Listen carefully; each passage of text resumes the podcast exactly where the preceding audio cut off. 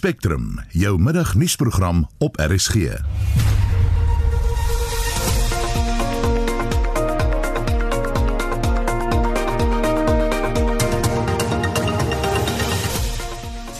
In die program Weerstoestande is vandag gunstig vir die brandbestrydingspogings in Kaapstad. Die parlement se oorsigrol kom weer onder bespreking na sy versuim om staatskaping te keer. Randwater sê die staking môre deur lede van SANHO sal nie waterverskaffing beïnvloed nie. Randwater has systems in place to ensure that people will still be opening their taps and having fresh water. En ons onthou die RSC omroeper Ian Wessels wat gister oorlede is. So een was net 'n uh, absolute gentleman van die uitsaai bedryf en absoluut passievol oor sy werk en ek dink dit was vir hom 'n besonderse lekkerte om te kon werk in radio. Goeiemiddag, ek is Susan Paxton.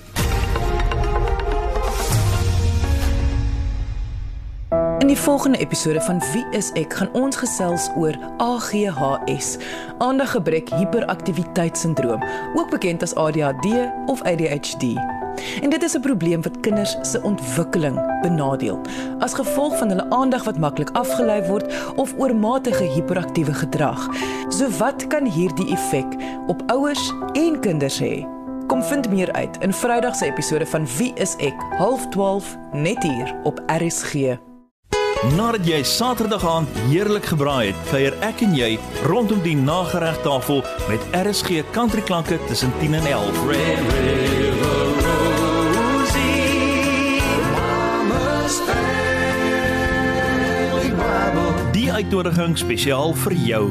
RSG countryklanke tussen 10 en 11 saam met my Jacques Arend net op RSG vanuit die baai. Amanda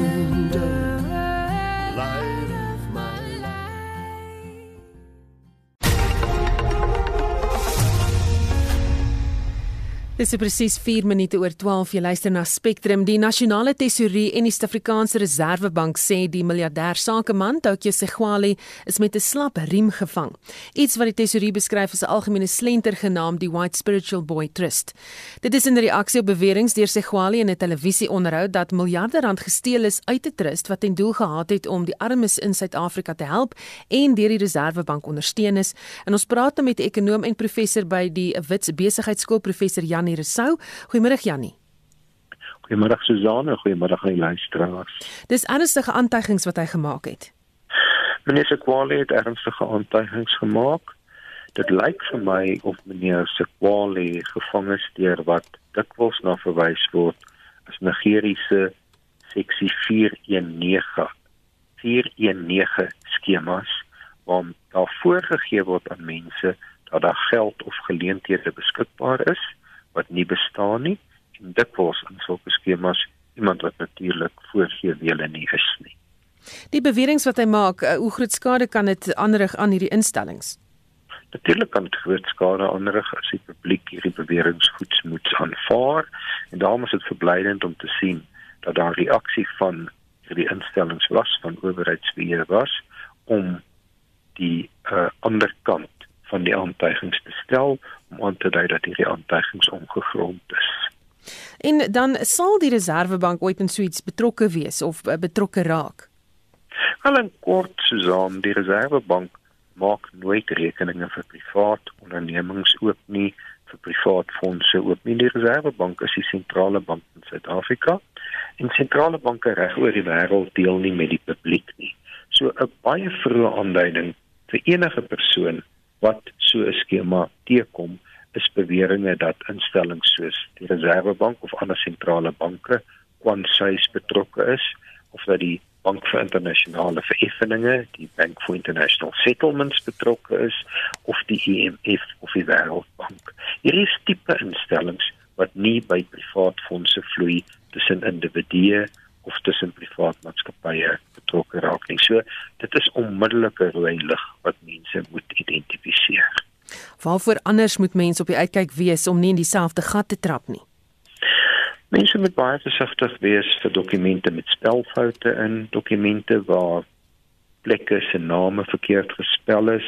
Ek het byvoorbeeld gekyk na van hierdie dokumente wat rondom die Sequali kwessie te sprake is en die Reservebank se naam is in een plek verkeerd gespel. Hulle moet daarvoor baie versigtig wees. Hulle moet uiters versigtig wees wanneer daai Reservebank bankrekeningnommers en dokumente gemeld word. En dan moet hulle ook baie versigtig wees wanneer iemand kwansuis met hulle korrespondeer op 'n e-pos. Hulle moet die e-posadres baie noukeurig nagaan sodat ek al gesien dat mense onder die indruk was wat in sulke skemas betrokke geraak het dat hulle met die president of 'n visiepresident van die Reservebank korrespondensie voer. Dis 'n persoon wat dan 'n totaal ander e-posadres gebruik as wat die Reservebank se e-posadresse is en voorgee om die president of 'n visiepresident van die Reservebank te wees. Baie dankie. Dit was 'n ekonom en professor by die Wits Besigheidsskool, professor Jannie Resou. Die spreker van die nasionale vergadering Tandi Modise het gister voor die staatskapingskommissie gesê dit is bejammeringswaardig dat die parlement so laat wakker geskrik het op beweringe van staatskaping. Maar sy het egter gesukkel om te verduidelik hoekom die wetgewer niks gedoen het toe skandale waarby ministers en die Gupta familie betrek is gebreek het nie. En ons praat nou hieroor met die dekaan by die skool vir sosiale innovasie by die Huguenot College in Wellington, Dr. Erwin Schwella. Goeiemiddag Erwin. Middag Susan en middag aan al die luisteraars. Dit is maklik om verskoning te vra voor 'n kommissie, maar wat behoort te gebeur in terme van 'n parlementêre oorsigrol ten opsigte van beweringe so staatskaping? Al ons parlement is geskoei op 'n stelsel wat sê ons is 'n grondwetlike demokrasie in 'n regstaat. En dit beteken dat daar die skeiding van staatsgesag is. Ehm um, en die skeiding beteken dat daar ook dan kruiskontroles moet wees. So die parlement het 'n fundamentele rol, een van 'n aantal rolle wat ook in die grondwet bepaal word om oorsig te hou oor die uitvoerende gesag, ehm um, en selfs oor uh, die die parlement en ander instellings. Die parlement is dus spesifiek onder andere geskep vir hierdie oorsigrol. So ons waardeer uh, die spreker se uh, se se, se uh, verskoning, maar dit is te min te laat en uh, dit kom ook 'n bietjie as aangedoen oor want ehm um, hulle moes dit eintlik geweet het. Ek self was betrokke by opleiding in die parlement vir baie jare waar die oorsigrol beklemtoon was. Daar was 'n doelbewuste poging om die belange van die party bo die belange van die parlement en die bevolking te stel. So ja, die verskoning word waardeer, maar dit is 'n bietjie flouerig. Wat is die verantwoordelikhede van parlementslede en parlementêre komitees wanneer beweringe soos hierdie, jy weet, bekend word en dan ondersoek moet word? Hulle verantwoordelikheid is om baie diep en diepsinnige ondersoek daarna te doen, dit op 'n etiese en effektiewe manier te doen as professionele parlementariërs, hulle is ook politici en veral om die grondwet in stand te hou, te beskerm en te bevorder en nie die party se belange te bevorder nie. Hier is klaar blyklike aanduidings dat die rolle, dit wil sê die rol van ehm um, oorsig as parlementariërs wat eintlik 'n primêre rol van hierdie parlementariërs is, deur hulle genegeer is, uh verwaarloos is en eintlik doelbewus uh as dit ware geïgnoreer is om uiteindelik die party se belange te beskerm eerder as die parlement se belange of die publiek se belange. Hoekom het parlementêre oorsig binne die parlement so misluk dat die spreker nou om verskoning moet vra? Ons kan nou 'n klomp uh, verklaringe daarvoor aanbied. Ehm um, uh, en, en en en dit is verklaringe wat meestal saamhang met die hele projek van staatskaping, maar as mense bietjie verder na die stelsel gaan kyk, dan het dit ook te maak met die feit dat die ANC nog steeds uh, 'n dubbelsinnigheid het oor of hulle nou die die land se mense verteenwoordig en die grondwet uh, eerbiedig en of hulle 'n bevrydingsbeweging is wat die politieke party uh, amper soos in die totalitêre uh, Oos-Europese state vooropstel. Hulle het nog 'n dubbelsinnigheid daaroor. En dis dinge wat nie net binne die parlement uitgesorteer moet word nie, maar binne die party moet uitgesorteer word. Want in terme van 'n grondwetlike demokrasie wat die ANC onderhandel het en in ons 1994 grondwet uh, inges uh, 6 uh, 96 grondwet ingeskryf het, moet hulle nie optree op wyse wat soos 'n bevrydingsbeweging uh, uh werk nie, maar moet hulle die rol vervul van 'n politieke party binne 'n demokratiese parlement in 'n regstaat waar die grondwet soewerein is. So hulle het nog daai dubbelsinnigheid en hoe gouer hulle dit uitsorteer, gaan dit beter wees vir hulle as 'n party vir die parlement en die publiek. Modise het adjunkregter of het aan adjunkregter Raymond Zondo gesê die oorsig oorsigrol in die parlement het nou sedertdien verbeter. Maar kan ons verwag dat dit volhoubaar gaan wees of gaan dit net weer verval? Ons sal maar moet kyk. Uh, uh kyk dis dis mos nou ook 'n gebruik uh onder andere in Suid-Afrika, maar uh, en miskien uh, uh nogal heelwat kere in Suid-Afrika dat wanneer jy uitgevang word vry om verskoning. Ehm um, tot dan is dit in orde. Ehm um, en ons sien nou dat daar aanduidings is en dit het weer te maak met die politieke dinamika van die magspel tussen die faksies in die ANC as 'n bevrydingsbeweging en hopelik toenemend op pad na 'n politieke party toe. Uh, uh op hierdie oomblik lyk dit asof daar meer voordeel is uh vir almal betrokke. Ehm um, ook ook in 'n sekere sin direkte voordeel as jy aan die kant van die faksie van meneer Ramaphosa afkom um, om wel te sê dat jy is vir al hierdie dinge, jy steun korrupsie en jy is vir oorsig en jy is vir uh, grondwetlike demokrasie. Uh as daai vergelyking egter verander en dit wil lyk of die ander faksie uh, voorkeur geniet en besig is om die ehm um, stryd te wen, dan mag dit weer verander. So op hierdie stadium lyk dit asof die tendense vir ons aandui dat as gevolg van hierdie magsdinamika, dit het min met beginsels te doen, dit het maar met belange te doen um, is dit aan die skuif en is daar positiewe aanduidings dat hierdie situasie kan verbeter en dat eh uh, ehm um, die spreker mevrou Modise se se sieninge kan kan waar bly. Ehm um, maar ons het nooit sekerheid nie ehm um, totdat ons 'n baie beter geïnstitusionaliseerde siening het van wat politieke partye doen in 'n regstaat um, en dat dit deel geword het van die kultuur van ons politieke instellings kan ons nooit heeltemal seker wees nie. Baie dankie. Dit was die dekaan by die skool vir sosiale innovasie by die Huguenot College in Wellington, Dr. Erwin Schwella of eerder professor Erwin Schwella. Die Universiteit van Kaapstad sê klasse gaan eers teen die 23ste April hervat nadat verskeie geboue deur 'n brand verwoes is. Working on Fire het intussen kort voor Spectrum op Twitter gesê, drie helikopters is ontplooi om met die brandbestrydingspogings te help. En ons praat met die woordvoerder eh, van die ALR vir plaaslike regering, James Brent Stein. Goeiemôre James. Hallo Susan. Sê vir my julle die weermag se hulp ingeroep, watter rol gaan hulle speel? Ja, wel ons het laat sonnig ingeroep en hulle het 'n lugmag helikopters vir ons beskikbaar gestel om te help met die waterbombing van die uh die bergbrand hier op Tafelberg. Ehm uh, die Oryx helikopter het die baie groter kapasiteit as die Hueys wat mense meer be bekend mee is. Uh, so ja, ons is baie dankbaar vir hulle bereidwilligheid om om te help. Nou Give of the Givers is een van die organisasies wat heelwat eh, aandag ontvang of geniet vir die werk wat hulle doen om veral studente te help. Wie is van die ander organisasies waarvan ons nie so baie hoor nie? Ja, kyk om so groot uh, operasie te tackle, dit nee, dit sit nie in die broek van een enkele entiteit. Dit is 'n dit vat en is 'n dis 'n baie vloeibare situasie. So daar gebeur heeltyd goed wat onverwags is. Byvoorbeeld om 4000 studente skielik Sondag aand te ontruim. Uh skielik moet jy as uh as die operasiebevelvoerder se klomp op 'n uh, ander vennote intrek en dis waar iemand soos Gift of the Givers ingeroep is en gevra het, "Luister, kan julle help deur kos byvoorbeeld te voorsien?" So van die ander ouens wat wat wat betrokke is is volunteer firefighters wat ongelooflik is. Almal mense wat jy weet, hulle word nie 'n sent betaal nie, dis uh vrywilligers. Uh, ek dink omtrent 100 van hulle brandbestryders het vir die afgelope 3 dae gewerk op die berg. Die die working on fire ouens is ook hulle helikopters wat ons so so baie help.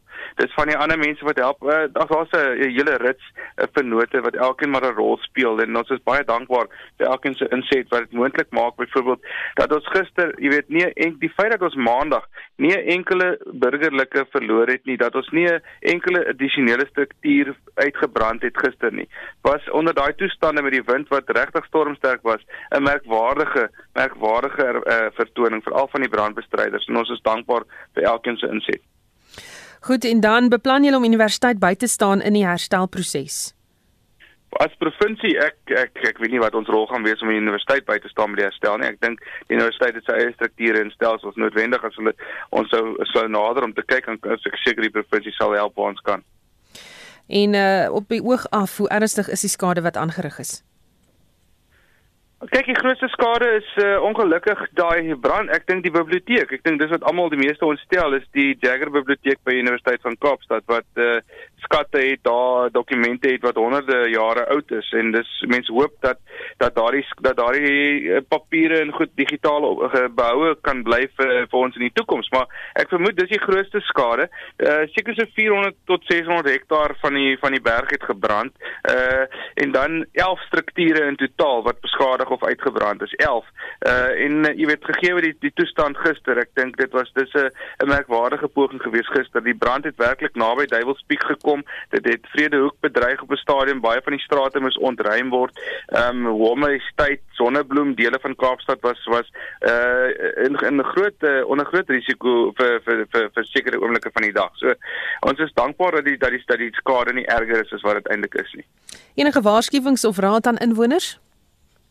Maar mense wat aanhou is die daar's nog steeds baie rook in die lug. Mense wat uh, sukkel om asem te haal of wat bekommerd is oor roet moontlik in hulle huise moet asseblief uh, die owerhede kontak mediese hulp inroep.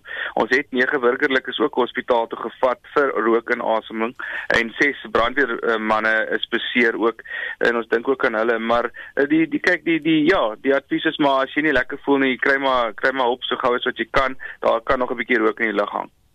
Baie dankie. Dit was die woordvoerder van die ALR vir plaaslike regering in die Wes-Kaap, James Brentstein. En ons praat ook nou met Jermaine Karelse van die Kaapstad Brand- en Reddingsdienste oor die jongste daar. Goeiemôre Jermaine. Goeiemôre aan u en die luisteraars dame. Hoe vorder pogings om die brand onder beheer te bring? Ag, bedaglik het na 'n lieflike dag in die Kaap, is net 'n bietjie warm. Dank Vader, daar's geen wind vandag nie wat die toestande so on, amper ondraaglik gemaak het die laaste 2 dae. As dit as dit klomp uh, brandweerspanne vroeg ingesloot in die in, in die veld in en ons konsentreer op uh, areas in die Vredehoek area, die Fabrikawes is en dan die Deepak area waar ons gestaan 'n paar flare-ups gehad het. En daar's twee UAVs en 'n Oryx helikopter in die lug wat nou die die inaccessible areas sal waterbom ehm um, vir die next year of so. Is daar spesifieke gebiede waar jy bekommerd is? Ja nee nee dit is eintlikste die die flare-ups soos ek gesê daar by die Towers en Vredehoek en uh, by die Deepak uh, area maar is geen ehm um, hoe sê mens uh, gepaard vir vir property in danger meer nie. Hmm. Toe ons gister met jou gepraat het, was jy doodmoeg. Jy weet hoe lyk die moraal onder brandbestryders vandag? Ja, nee, wat is, is ek dink is is maar texting en en dit vat maar 'n man emosioneel en en en ook fisies. Maar soos ons sê ons week 24 uur skofte, die nuwe pars man het ingekom vanoggend en hulle hulle weet wat 'n taak aan, aan hande is en so so gouer hulle die taak ja, want hulle gouer kan hulle terug gaan na hulle um, uh, die print fire stations toe. Hmm. Baie dankie. Dit was Jermaine Karelse van die Kaapstad Brand en Reddingsdienste. En klink vir my hulle is besig om daardie brand te wen. Randwater sê die staking deur die Suid-Afrikaanse munisipale werkersunie SAMU sal nie waterverskaffing beïnvloed nie. SAMU sê die staking is uitgeroep omdat Randwater besluit het om nie prestasiebonusse aan sy werkers te betaal nie en sonder om met die vakbond te konsulteer daaroor. Die woordvoerder van Randwater, Justice Mohali, sê daar is streng voorwaardes waaraan die vakbondlede moet voldoen om aan die staking te kan deelneem. First, let me just say that the organization acknowledges the right of all employees to participate in a legal strike, but uh, there must be there are preconditions that have to be complied with. We have received that notification, but we are quite confident that the union will come to the table and um, continue with the negotiations with the with the management of the organization to ensure that um, you know such a strike doesn't go ahead. Moali sê hy voorsien nie enige probleme met waterverskaffing sou die staking voortgaan nie. Rainwater has systems in place to ensure that um, the sustainable, you know, provision of water to all our customers, uh, ultimately to the to the consumers out there. We have systems in place that we we have we have put in place. So um, if it goes ahead, um, uh, people will still be opening their taps and having fresh water. Uh, there won't be any any any difference. En dit was die woordvoerder van Randwater Justice Mohale. In Februarie die afgelope jaar het byna 386 000 reisigers deur Suid-Afrikaanse grensposte gegaan. Slegs sowat 10 000 van hierdie besoekers kom van 'n ander kontinent. Die statistiek is vroeër deur Statistiek Suid-Afrika bekend gemaak as deel van die toerisme syfers. Nou inkomste wat deur die toerisme sektor gegenereer is, het ook in Februarie 2021 met meer as 72% afgeneem teenoor Februarie 2020. En ons praat nou met professor Piet van der Merwe van Tries binne die departement van toerismebestuur by die Noordwes Universiteit. Goeiemôre Piet. Goeiemôre Susan, gaan dit goed en môre aan al die luisteraars. Met my gaan dit goed, maar sê vir my hoe het die toerisme sektor gevaar van Februarie 2020 tot 2021 volgens die statistiek? Ja, Susan, soos jy nou reg aangewys het, ehm um, het dit heelwat gedaal en ek wil graag hê ons moet begin deur 20 2020 Februarie te kyk. In daardie spesifieke maand het ons net so oor die 3 miljoen besoekers gehad. Ehm um, dit is nou binneland en buiteland, dis totale reisigers. So dis binneland en buitelandse toeriste wat in en uit die land was, wat so oor die 3 miljoen. Ehm um, dit wil vir ons sê as jy gaan kyk na die 386 in 2021 het dit met 89% gedaal. So dit is nog 'n geweldige gedaling en dit het ons verwag oor die buitelandse weet vlugte van die buiteland is is, is relatief moeilik om uit te kom en die buitelandse toeriste reis nie baie nie. As jy ook verder gaan kyk in vergelyking met net ouens wat ingekom het of reisigers wat net ingekom het in die land in 2020 was dit 1.2 miljoen. En in 2021 kyk ons na 136 000. Dis ook 'n daling van 88% um, van reisigers na Suid-Afrika toe. Maar wat vir my belangrik is is ons gaan kyk na hierdie reisigers wat wel gekom het, hierdie 136 van die buiteland af wat na Afrika en die res van die wêreld insluit, is die groot meerderheid van ons SADC lande af en en ook Afrika en 'n kleiner persentasie is van die buiteland af ongeveer so 6400 besoekers in Februarie van die van van buiteland af soos in Europa en Amerika. Ehm um, in vergelyking met 2020 Februarie was dit 174000. So wat sê hierdie data vir ons en, en dit is baie duidelik dat soos ons verwag het die buitelandse mark het totaal al tot ehm um, weet tot, tot stilstand amper gekom. Ons ons kry nie groot buitelandse toeriste nie. Getalle nie, maar dit wil vir my voorkom of die Afrika mark 'n uh, bietjie meer reis. Um, en dit is ook voorspel gewees toe Covid begin het laat en later deur 2020 het ons ook aangedui dat ons dink weet as reis begin oopgaan gaan dit weer eers streeksgewys wees. So eers in die land begin rondreis en dan gaan die ouens naby aan jou land um, soos ons nou in Zimbabwe en Botswana en Mosambik en daardie dele sal begin inreis. Um, en so dit dit kan ons sien dat die Afrika lande begin tussen mekaar reis So ervaar ons dit ook of ons sien dit in die buiteland dieselfde tendens gebeur al dat in die lande of lande naby mekaar begin die ons op meer reis. Wat bel my lekker was toe ek na die data gekyk het van uh, statistiek SA is dat um, ehm, 83% van die buitelanders wat ons wel besoek het was vir toerisme redes. Dit was vakansie om te en nie vir werksgeleenthede nie. So dit wys ons daar is 'n mark wat wat graag nou die geleentheid sien en die, om om Suid-Afrika te besoek. Ehm um, oor ons kry heelwat Ehm uh, dit dat heel heel wat spesiale aanbiedinge ook in in die in die toerismebedryf. Ehm um, veral as jy kyk na vlugte na Suid-Afrika, as jy kyk na akkommodasie. So ek dink daar's 'n mark wat hierdie geleentheid sien en graag wil reis na ons toe. Hm.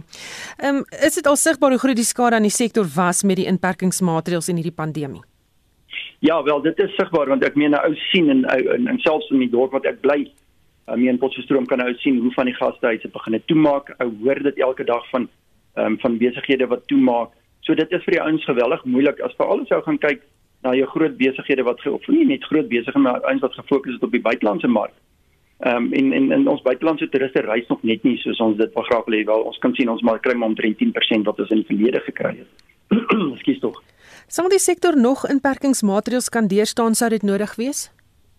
Ek dink nie so nie. Ek dink die sektor het so geweldig seer gekry uh, met al wat wat al reeds plaasgevind het. En onthou dis nie net nie die akkommodasie aan dis die hele toerisme sektor met met ons praat van restaurante, ons praat met reis en verblyf en al daai tipe van van uh, aktiwiteite. En en ek dink nie as, as ons weer met kwai um, lockdown het gaan dit verseker die bedryf baie baie skade doen. Baie dankie. Dit was professor Piet van der Merwe van Trees binne die departement van toerismebestuur by die Noordwes Universiteit. Die wysigings aan die regulasies oor plastieksakke is pas in die staatskoerant gepubliseer. Die regulasies het ten doel om uiteindelik die plastiekherwinningsekonomie te stimuleer en om die vervaardigingsbedryf verantwoordbaar te hou vir die vervaardiging en herwinning van sy eie plastiekprodukte. Plastieksakke moet ook meer herwinbaar wees en produsente wat nie aan die vereiste voldoen nie, kan 'n boete opgelê word van tot 5 miljoen rand of 5 jaar tronkstraf. Die minister van Bosbou, Visserye en Omgewingsake, Barbara Krisi sê die wysigings is aangebring met insaag uit die bedryf bedryf en rolspelers.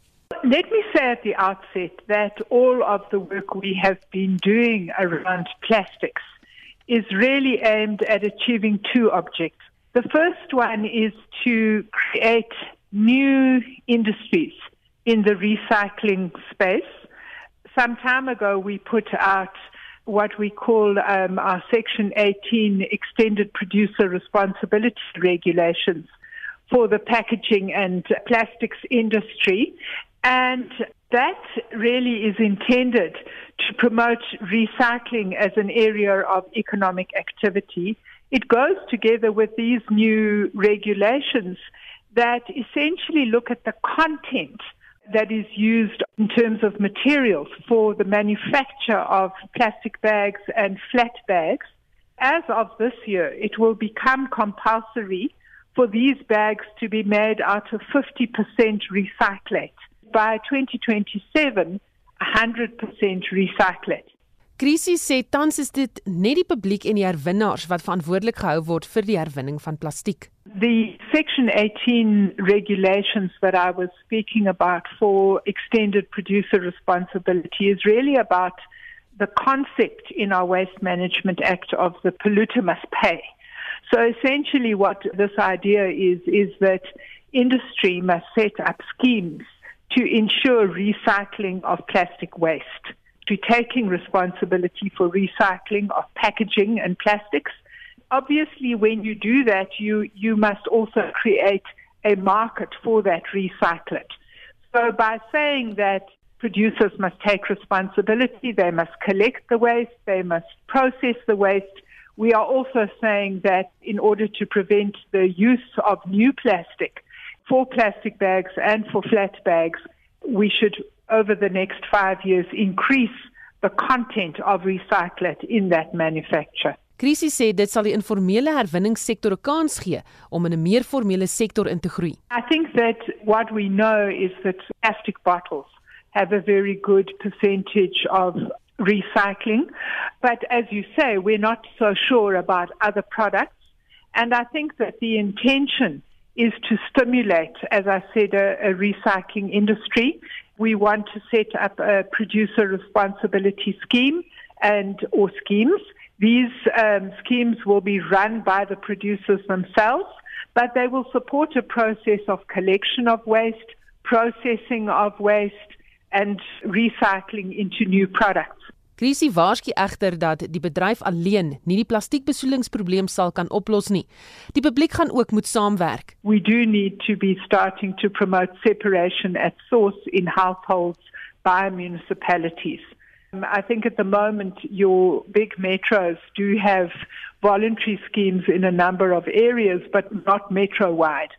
And so what you find is a situation where reclaimers are actually trying to pull plastic waste out of landfills. That's obviously a very hazardous and unhealthy occupation. So obviously municipalities need to come to the party. But even now, households can take the option of delivering their own waste, whether it's glass or plastic, to various public recycling outlets that exist in shopping centres and so on. Dit was die minister van Bosbou, Visserry en Omgewingsake, Barbara Krisi. Spectrum, jou middagnuusprogram op RSG.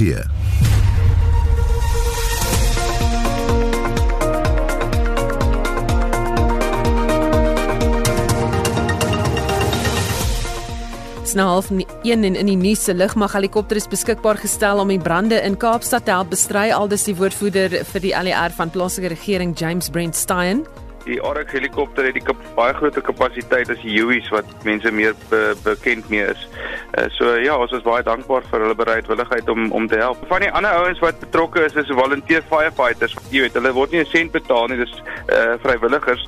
Ek dink omtrent 100 van hulle brandbestryders het vir die afgelope 3 dae gewerk op die berg. Die working on fire ouens is ook hulle helikopters wat ons so so baie help en ons is baie dankbaar vir elkeen se inset. Die skrywer Dion Meyer word later vandag in Stellenbosch tot ridder van Frankryk geslaan. Ek dink dit is een van die grootste eerbewyse wat ek nog ooit ontvang het. Dit is vir my massief. Ek probeer nog heeltemal begryp wat gebeur het, maar dit is dit is regtig vir my 'n reuse eer. Die publiek het slegs 4 dae tyd gehad om kommentaar op die voorgestelde COVID-19 en stofvergoedingsskema te lewer en ons onthou die RC omroeper Ian Wessels wat gister oorlede is, bly ingeskakel. In Dinsdag 20 April se Geestesgesondheid is my gas die narratiewe terapeut Johan Laten. Nie net is hy 'n depressievegter nie, maar hy het ook 'n organisasie gestig juis om bewusmaking te kweek oor depressie. Geestesgesondheid, Dinsdag aand na die 11uur nuus saam met my, Christel Webber. Skakel gerus eerskomende donderdag aand 22 April in vir die wenner van die tweede prys in RSG en Sanlam se radio skryfkompetisie 2020. Hendy Groblaar se studente liefdesverhaal Sterrereën. Spelers sluit in Loan Jacobs, Claudia Jones, Donovan Petersen en Christo Kompion. Wat kry jy as jy oorverdowende partytjie musiek, 'n pragtige meisie, eksperimentele dagga en 'n meteorietreën meng? 'n Klap van die maan? Of dalk 'n pratende kat. Vind uit in Sterrereën eerskomende donderdag aand 22 April om 8:00 die aand. Daar is geen verkeer. In KwaZulu-Natal staan 'n voertuig op die N3 Oos net na die Markweg afrit op die regter skouer en dan in Gauteng Johannesburg staan 'n voertuig op die N12 Oos net na Kliprivier Rylaan in die linkerbaan en in Pretoria staan 'n vragmotor op die N1 Suid net na Atterbury weg twee bane toe daar en dit is jou verkeersnuus. Die Suid-Afrikaanse misdaadfiksie-outeur en draaiboekskrywer Dion Meyer word later vandag in Stellenbosch tot ridder van Frankryk geslaan. Die gesogte toekenning van die Orde van Kuns en Letterkunde word namens president Emmanuel Macron in Stellenbosch aan hom toegeken vir sy bydrae tot die letterkunde en die land. Meyer sê hy voel besonder geëerd om die titel te kan dra, berig Estie de Klerk. In Suid-Afrika het Dion Meyer geen bekendstelling nodig nie. Die skrywer van 15 boeke en 3 kortverhaalbundels wat in 27 tale vertaal is en in 40 lande gelees kan word, is vir Suid-Afrika 'n nasionale skat. Twee van sy boeke, Phoenix wat in 1996 geskryf is en Spoor wat hy in 2010 geskryf het, is onderskeidelik in Engels as Dead Before Dying en Trackers as internasionale TV-reekse verwerk en vervilm. In Afrikaans het hy reeds verskeie televisiereekse en films geskryf, vervaardig en die regie daarvan behartig. In Suid-Afrika en internasionaal is hy al male sonder taal vir die vrug uit sy pen bekroon. Hy sê die jongste toekenning van Frankryk is vir hom besonders en hy het dit nie verwag nie. Ek dink dit is een van die grootste eerbewyse wat ek nog ooit ontvang het. Dit is vir my massief.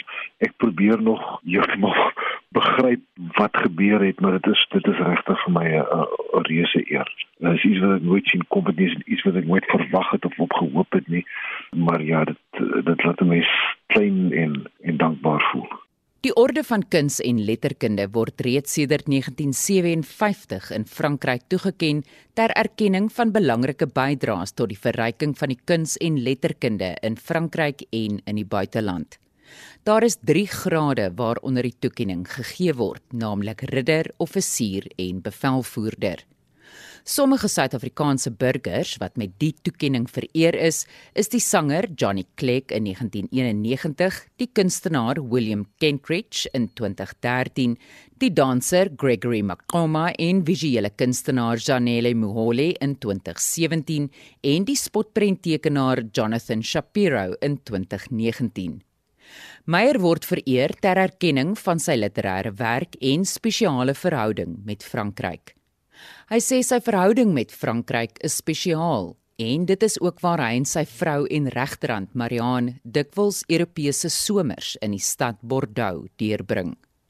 Frankryk word ook dikwels in sy boeke gereflekteer. Dis een van daai snaakse dinge. Ek was al danksy die boeke al oral in die wêreld gewees en met sekere plekke het 'n mens net 'n groot affiniteit. Ek weet nie hoekom nie, ek kan dit nie beskryf nie.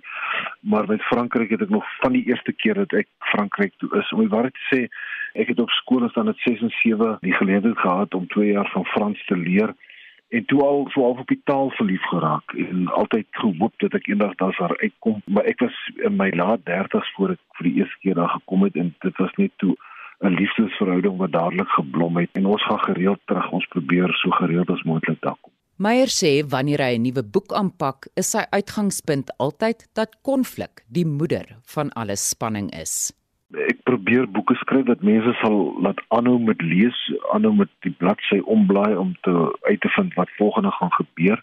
Spanning is 'n groot deel daarvan. Ek dink dit is ook belangrik dat 'n mens jou karakters op so menslike manier as moontlik voorstel want jy kan nie as jy karakters het wat die leser nie van hou nie, dan gaan hulle nie regtig omgee wat met die karakters gebeur nie. So dis 'n dis 'n kombinasie van 'n klomp goed wat 'n mens maar moet probeer balanseer en regkry spanning is 'n groot deel daarvan veral in die genre waarin ek skryf. So ek probeer maar altyd uh, seker maak dat daar 'n spanningslyn is wat aanhou met styg tot by die groot ontknoping van die boek.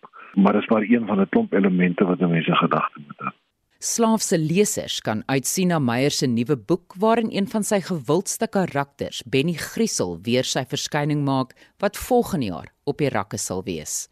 Uh, hy sal as alles goed gaan volgende jaar verskyn seker so teen September Oktober se kant. Ek het begin met hom maar ons het nou so baie ander dinge TV reekse en films wat ons ontwikkel dat die die boek skryf het nou 'n bietjie agterweeg gebly. Maar ek hoop om teen uh, die einde van die maand weer ernstig te uh, aan te gaan met die boek. Die Franse ambassadeur in Suid-Afrika oorhandig die orde vir kuns en letterkunde vanaand om 06:30 in Stellenbosch by 'n spesiale geleentheid aan Meyer. Ek is Estie de Klerk vir SAK nuus. Shaun Jooste het die sporthoogtepunte. Ons begin met rugby nuus. Die Reenburg beker toernooi skop Vrydag af. Die Bulls, Lions, Sharks en Stormers is die vier Suid-Afrikaanse franchises wat deelneem. Die Bulls het aangekondig dat die boksspelers Trevor Nyakane en Dwayne Vermeulen Saterdag se kragmeting op Loftus teen die Lions gaan misloop. Die Stormers het ook gister aangekondig dat die Springboks dit Steven Kitsoff sy kontrak met die Unie met 3 jaar verleng het en die Stormers nuwe permanente kaptein sal wees. Die slot Salman Murad is die onderkaptein. Die eerste veteraan loskakel Johnny Sexton gaan ook Leinster se openingswedstryd teen Munster weens 'n kopbesering uitsit. Op die cricketveld pak die Delhi Capitals en Mumbai Indians mekaar vanmiddag 4uur in die IPL reeks. Hulle is derde en vierde op die punteleer met 4 punte elk. Van die sokkerwedstryde wat vandag voorlê, is vanaand 9uur in die Engelse Premier Liga Chelsea teen Brighton en Hove Albion en half 8 in die Bundesliga Bayern München teen Bayer Leverkusen. En dan in die DStv Premier Liga speel Chippa United vanmiddag 3 uur teen Baroka FC en Bloemfontein Celtic 5 uur teen Marokko Swallows. En laastens op die tennisbaan stap Suid-Afrika se Ryan Klaasen en sy spanmaat van Japan Ben McLaughlin vandag in die eerste ronde van die manstoernooi in Servië teen Ivan en Matej Sabanov van Kroasie op die baan uit. Shaun Jooste met die sportnuus.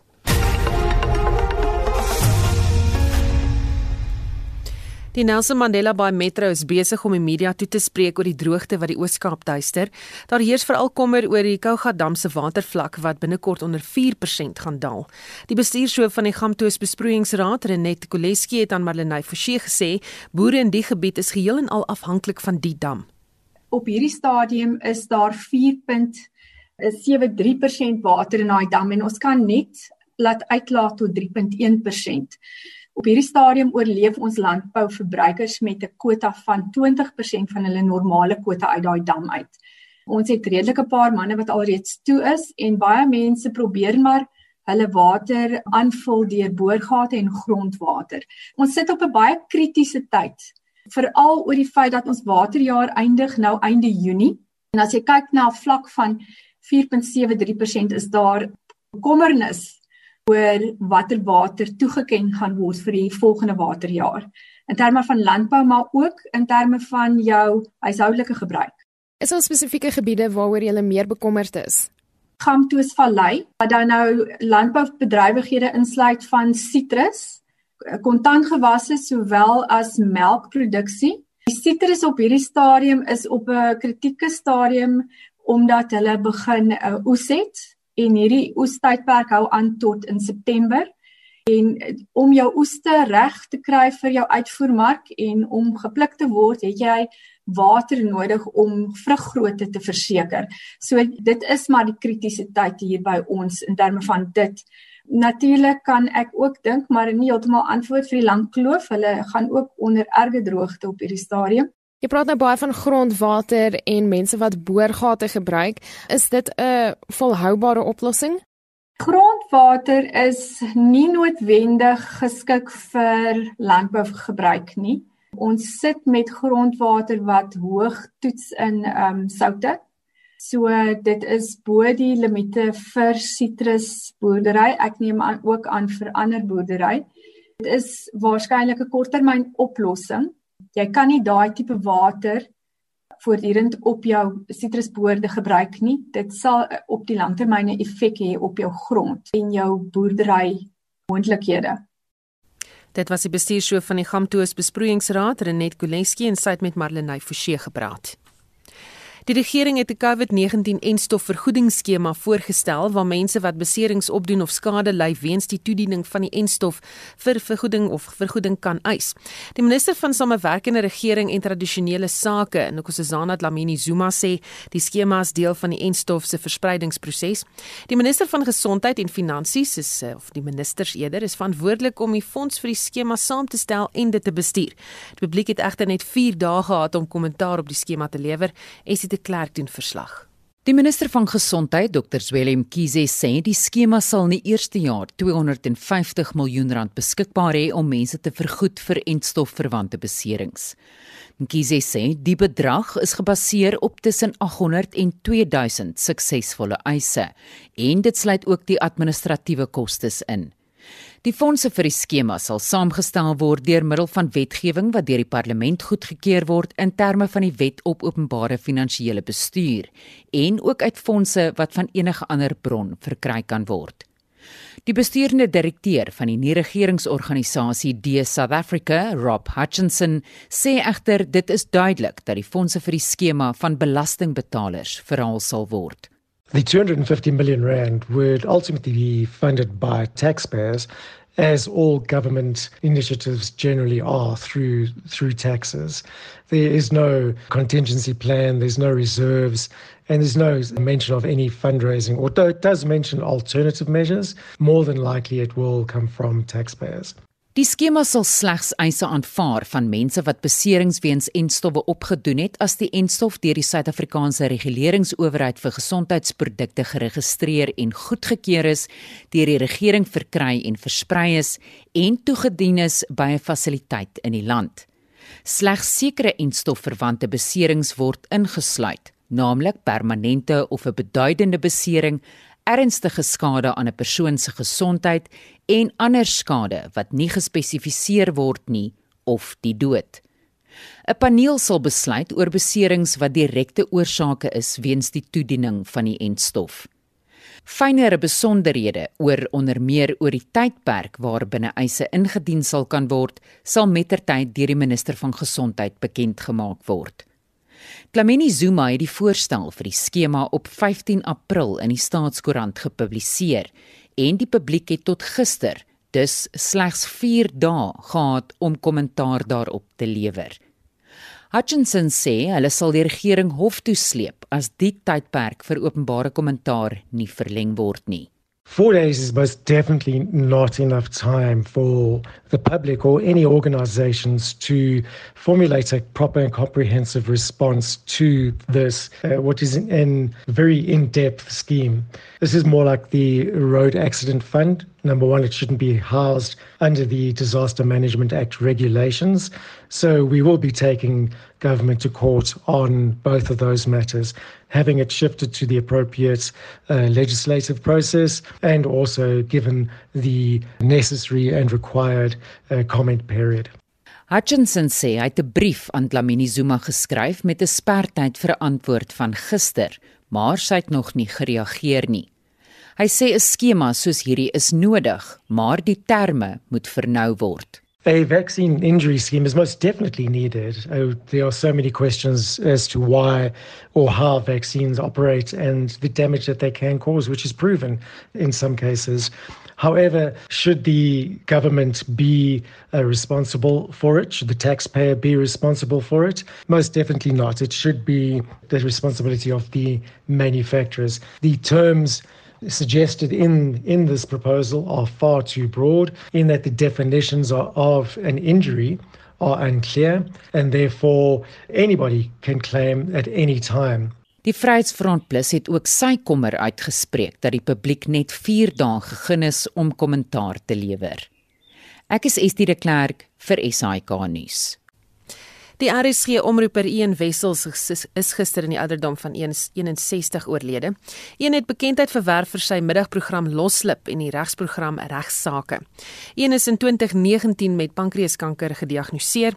Hy het homself egter nie laat onderkry nie en het tot 3 weke gelede steeds sy posisie agter die mikrofoon ingeneem. Ian het aanvanklik as 'n staatsanklaer gewerk, maar later sy toga verruil vir 'n mikrofoon. Kollega en vriendin Elsje Salzwetel beskryf hom as 'n grapkas met 'n baie diep siel en 'n groot liefde vir radio.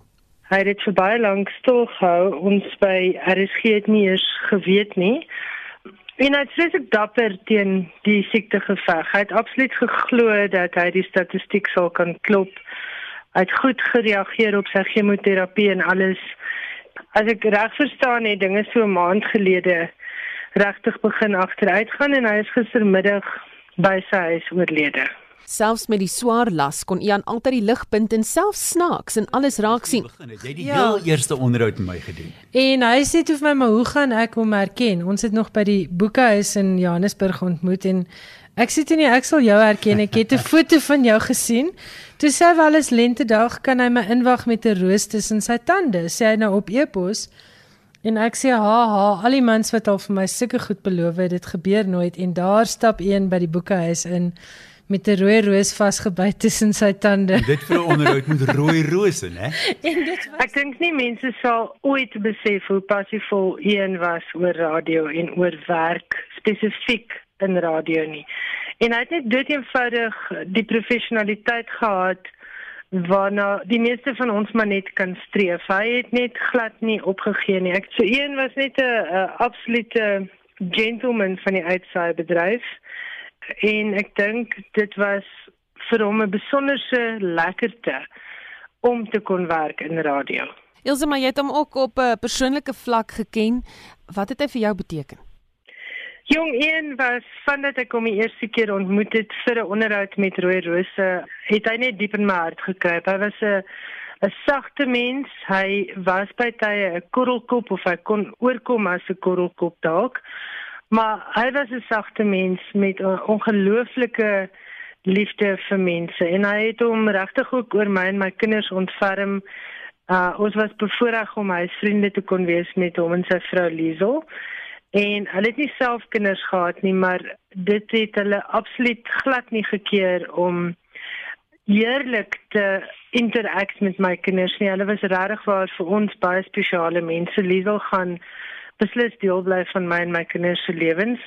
En een was 'n vriend waarop jy regtig waar deur dik en dun kon staat maak. Was hy altyd so snaaks as wat mense hom gesien het in die openbaar? O ja, ons het beslis baie gelag, maar wat min mense weet is dat een nogal 'n ernstige en 'n filosofiese kant ook gehad het. Hy was nogal diep en ek het verlede jaar omtrent aan die net voor lockdown het ek met hom 'n kort onderhoud gevoer vir my podcast reeks by Rooi Rose oor sy stryd teen kanker. Um dit was ook die podcast waarin hy bekend gemaak het dat hy kanker het. En hy het soveel diep dinge kwyt geraak oor lewe en oor lewe en dood. En ek dink dit is die deel van die van die een wat mense nie werklik geken het nie. Hulle het die humoris geken en die motiveringsspreker maar dit nooit besef hoe het een werklik waar hierdie goed uitgeleef nie. Hy was 'n lewensafrigter, 'n gekwalifiseerde lewensafrigter. Hy het nie mense gesien of so nie, maar hy het dit alles gedoen sodat hy 'n beter motiveringsspreker kon word en sodat hy meer van die mensdom kon verstaan, want die mensdom het vir een gefassineer. Dit was sy kollega en vriendin Elsje Salzwedel. My hart lê maar in die Kaap, al is die res van my lyf nou by bo in Johannesburg. Ek mis die wynboere, mis die mense wat op die see boer, maar die meeste van alles mis ek die mense wat met daai onblusbare kreatiewe magic boer by die boer. Ek sal 18 rolle toiletpapier ruil vir 'n wynproe met 'n uitsig oor 'n wingerd. En ek sal nog 18 ruil vir 'n paar oesters langs die see. Maar by die boer kan al jou sintuie baljaar en jy kan jou gemoed ook voed. Miskien moet ek myself net eers voorstel vir die van julle wat my nie ken nie of nie herken nie. My naam is Ian Wessels en jy kan Saterdagaande saam met my kuier op RSG. Tientalle kilogramme gelede en omtrent 10 jaar terug het ek my verhoogdebuut by die boer gemaak. Kyk, ek was nog altyd die ene ore, maar deesdae het ek nou so maar geword, ek het maar nie 'n maskertjie opgesit vir die video nie. Uit vrees ek lyk soos 'n gemaskerde sobbeen en ek wil nie die kinders bang maak vir hulle kos nie. Magdleen Creer, stasiebestuurder van RSG, vertel dat as een die stasie ingekom het, het die lag hom agtervolg. Wel, ek het baie goeie herinneringe um, aan een. Hy is in 2019 met pankreaskanker gediagnoseer maar hy het die dinge maar baie stil gehou en voortgegaan. En jy weet, um, tot 'n week gelede nog het hy die laaste klompie van sy regsaake opnames met Igna. Het hy daarop aangedring om dit te redigeer en vir ons te stuur tot so tot einde April se regsaake is deur hom nog geredigeer. Hy kon nie meer sy eie stem gebruik nie, maar uh, hy wou absoluut net tot die bitter einde toe werk. Ons moes later gesê het nee, een jy moet nou rus. Maar uh, wat ek van hom sal onthou is sy spitsvondigheid en sy gulhartigheid. Hy kon 'n moeilike kaland wees, maar dan is dit wanneer hy sterk geglo het in sy standpunt en wanneer hy nou regtig omgekrap was oor iets wat hy geglo het nie reg is nie. Maar hy was spitsvondig, hy was altyd vol grappies geweest en baie skerp ook, ook stout skerp. En dit was as jy jy het geweet as hy in die gang afkom en dan lag hy en dan lag al die ander mense ook. En hy kon ook lekker die mense op lig 'n bietjie kwaad maak, maar dit was sy opdrag geweest. Push so 'n bietjie, druk die mense.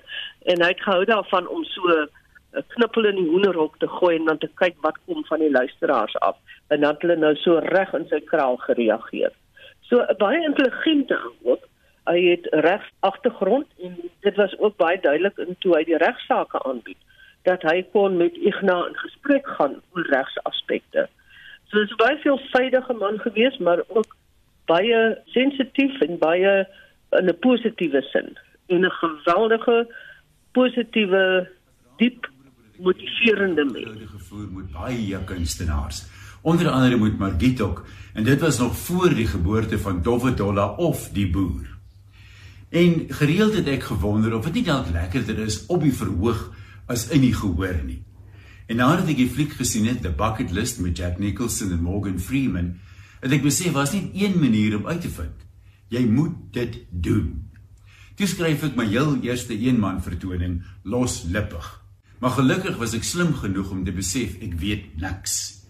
Toe klop ek by Margit aan om te hoor wat dink sy, gaan ek my naam met 'n plank slaan of net met 'n vingerstompie? Nou 'n lang storie kort, sy stem te En die stelsel daar van een wessels van die klankgrepe is verskaf deur Elsje Sandswedel. Een word oorleef deur sy vrou Liesel, broer en ouers. En net so voor ons groet, ons praat nou met Essie de Klerk en sy het vir ons 'n opsomming van ons hoofstories en stories wat nog ontwikkel, Essie. Susani spreker van die nasionale vergadering Tannie Modise het gister voor die staatskapingskommissie om verskoning gevra aan Suid-Afrikaners dat die parlement so laat wakker geskrik het oor die beweringe van staatskaping en die dekaan by die skool vir sosiale innovasie by die Huguenot College in Wellington professor Erwin Swela het hierop gereageer en vandag in Spectrum aan ons gesê die parlementêre oorsigrol moet egter baie ernstiger opgeneem word. So die parlement het 'n fundamentele rol, een van 'n aantal rolle wat ook in die grondwet bepaal word om oorsig te hou oor die uitvoerende gesag en selfs oor die parlement en ander instellings. Die parlement is dus spesifiek onder andere geskep vir hierdie oorsigrol. So ons waardeer die spreker se verskoning, maar dit is te min te laat en uh, dit kom ook 'n bietjie as aangedoen oor want uh, hulle moes dit eintlik geweet het. Daar was 'n doelbewuste poging om die belange van die party bo die belange van die parlement en die bevolking te stel. En die Universiteit van Kaapstad sê klasse sal teen 23 April hervat kan word nadat verskeie geboue deur die brand verwoes is. En intussen het die woordvoerder van die Kaapstad se brand- en reddingsdienste, Germain Karelse, aan ons gesê die weerstoestande is vandag daarom baie gunstiger om die brande onder beheer te kan hou. Dank Vader, daar's geen wind vandag nie wat die toestande so on, amper ondraaglik gemaak het die laaste 2 dae. Ons het 'n klomp uh, brandweerspanne vroeg ingesloot in die veld in en gekonsentreer op uh, areas in die Vredehoek area, die Fabrikahouses en dan die Deepak area waar ons gestaan 'n paar flare-ups gehad het. En daar's twee UAVs en 'n Oryx helikopter in die lug wat nou die inaccessible areas sal waterbom vir die next uur of so en dis die woordvoerder van die Kaapstadse brand- en reddingsdienste Germain Karelse. Die Suid-Afrikaanse misdaadskrywer Dion Meyer word vanaand deur die Franse regering tot ridder van die orde en kuns van kuns en letterkunde geslaan en hy sê dit is vir hom 'n besonderse eer. Ek dink dit is een van die grootste eerbewyse wat ek nog ooit ontvang het. Dit is vir my massief. Ek probeer nog heeltemal begryp uh wat gebeur het, maar dit is dit is regtig vir my 'n uh, reuse eer. En dan die minister van gesondheid Dr. Zweli Mkhize gaan later vanmiddag besoek aflê aan die Charlotte Maxeke Hospitaal in Johannesburg waar die naweek ontruim is nadat 'n brand daar uitgebreek het en hy word vergesel deur die premier van Gauteng David Makura. Baie dankie. Dit was Essie de Klerk wat ons op hoogte gebring het met 'n blitsoorsig van ons hoof- en ontwikkelende nuusstories. Net so voor ons groet Vrystaat Landbou waarsku oor brandgevaar en risiko's na die eerste ryp al in die Vrystaat geval het. Ehm um, Vrystaat Landbou se Johan Fourie sê hy is die streeksverteenwoordiger van Vrystaat Landbou dat die temperature in laagliggende dele van die Wetstorp, Weppener en van Stadensrus laag gedaal het en ryp die afgelope 3 nagte voorgekom het. En dan waarsku Dr Jack Amer, kommersiële bestuurder van Vrystaat Landbou dat boere bewus moet wees van 'n brandgevaar na hierdie ryp. Die afgelope seisoen se goeie reën het bygedra tot goeie veld en groei toestande. Die veld en val hoë gras langs die paai hou egter dan nou 'n brandgevaar in waarsku. Vrystaat Landbou sou dit maar in gedagte as jy ry moenie net stompies uitgooi nie. Ons groet namens ons waarnemende uitvoerende regisseur Hendrik Martin, die redakteur Justin Kennerly en produksieregisseur Evert Snyman. My naam is Susan Paxton. Geniet jou uh, middag in die geselskap van RSG.